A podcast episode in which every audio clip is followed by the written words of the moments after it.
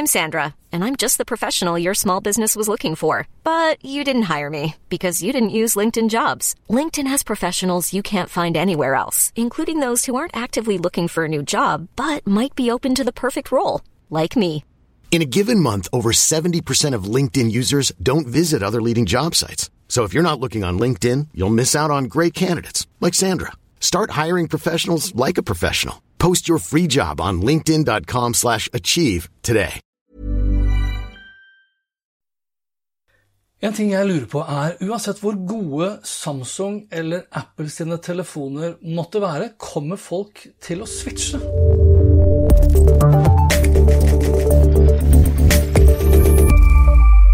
For kort tid siden så vet vi alle som er litt opptatt av smarttelefoner og forbrukerteknologi, at eh, Apple lanserte eh, fire nye telefoner. iPhone 13 Mini, iPhone 13, iPhone 13 Pro og iPhone 13 Pro Max. Det jeg har lyst til å prate litt om nå, er hvorvidt Samsung-folk kommer til å switche til iPhone, eller Apple, da eller om Apple-fans kan se for seg å switche til Samsung sine telefoner, uavhengig av hvor gode telefonene måtte være.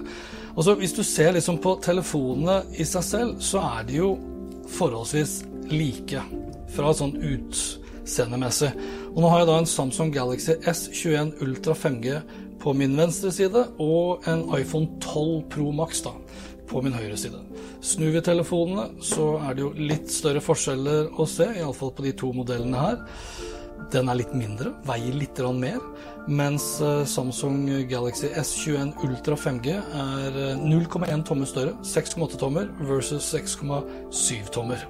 Og nå skal ikke jeg lage en video som skal sammenligne, eh, i hvert fall ikke utdypende, da, forskjellene mellom de to telefonene. Samtidig så er det jo en del ting som kan tyde på at det er den beste smarttelefonen noensinne. Iallfall hvis vi da tenker på eh, det å fotografere og filme, og ikke det å ringe, for det gjør man jo nesten ikke med disse telefonene lenger. Men spørsmålet er om Samsung Galaxy S21 Ultra 5G fortsatt er et bedre valg hvis man kun ser på teknologien som sådan, versus da iPhone 13 Pro Max.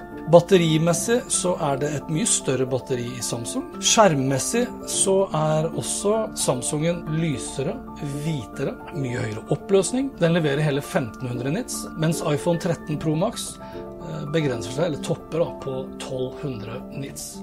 Kameramessig sett også så er det jo mye større oppløsning på kameraene til Samsung. Hos uh, S21 Ultra fra Samsung da, så snakker vi om uh, det største kameraet som gir hele 108 megapiksler, mens på iPhone 13 Pro Max så begrenser det seg, eller topper seg, da, til 12 megapiksel på baksiden. På fremsiden så har også iPhone eh, valgt å legge seg på 12 megapiksler, mens Samsung Galaxy S21 Ultra har hele 40 megapiksler.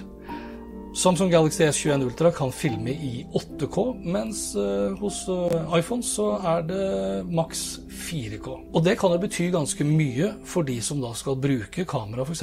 til å vlogge med. Og så har jo da Apple valgt å fokusere veldig mye på cinematic mode, som uh, for folk flest da kan oversettes til blurry background, eller bokey-funksjon. Altså at du kan filme i portrettmodus. På Samsung så har de noe som heter director modus, og her kan du faktisk da filme med flere kameraer samtidig. Det kan du ikke på iPhone. Så det er store eh, variasjoner. Og utover alle disse pikslene osv. Og, og 4K versus 8K, så må jeg også legge til da, at eh, på Samsung Galaxy S21 Ultra 5G så har jeg da både tre ganger optisk zoom og ti ganger optisk zoom. Mens for Apple sin del så var det den store nyheten den store nyheten at de da oppgraderte fra 2,5 digital zoom til hele 3. Og bare for å illustrere egentlig hvor langt teknologien nå har kommet, så kjøpte jeg da det kameraet her, eller det objektivet her, for åtte år siden. Så kan jeg vippe ut så her, feste det da på telefonen. Med iPhone så kunne jeg da koble dem via wifi. Med en Android-telefon så kunne jeg koble det via NFC. Og det her er ti ganger optisk zoom for åtte år siden. Ti ganger optisk zoom redusert da ned til ti ganger optisk zoom her.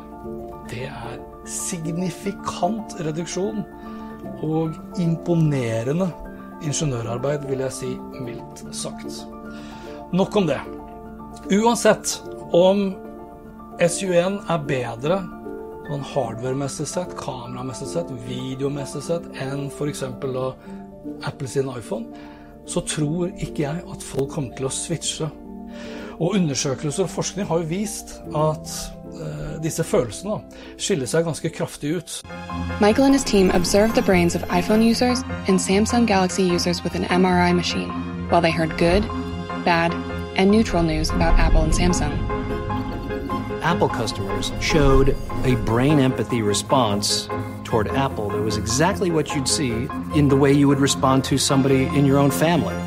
Strangely, Samsung users didn't have any positive or negative responses when good or bad news was released about their brand. The only evidence that Samsung users showed was reverse empathy for Apple news, meaning if the Apple headline was negative, their brain reflected a positive response. Det er ganske spesielt å tenke på at det er det som er liksom kjøpsargumentet. Da. At jeg velger bort en aktør.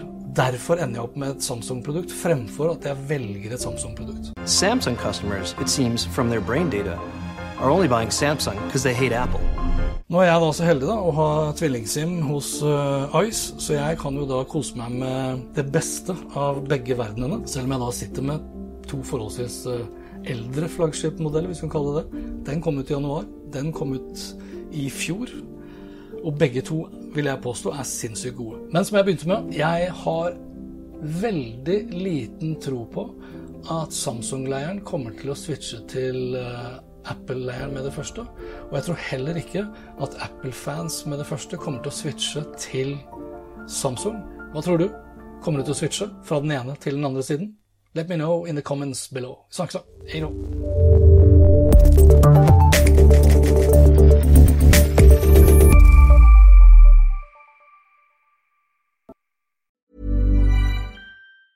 Hey, it's Danny Pellegrino from Everything Iconic. Ready to upgrade your style game without blowing your budget? Check out Quince. They've got all the good stuff shirts and polos, activewear, and fine leather goods, all at 50 to 80% less than other high end brands. And the best part? They're all about safe, ethical, and responsible manufacturing. Get that luxury vibe without the luxury price tag. Hit up quince.com slash upgrade for free shipping and 365 day returns on your next order. That's quince.com slash upgrade. My business used to be weighed down by the complexities of in person payments. Then, Tap to Pay on iPhone and Stripe came along and changed everything. With Tap to Pay on iPhone and Stripe, I streamlined my payment process effortlessly. Now I can accept in person, contactless payments right from my iPhone. No extra hardware required. What's truly remarkable is how I can cater to all of my customers' payment preferences. Whether they're using cards, Apple Pay, or other digital wallets, Tap to Pay on iPhone and Stripe ensure a smooth checkout experience every time. And it's not just me. Stripe helps businesses of all sizes, from local markets to global retailers, scale quickly and stay agile. To learn how Tap to Pay on iPhone and Stripe can help grow your revenue and reach, visit stripe.com slash tap iPhone.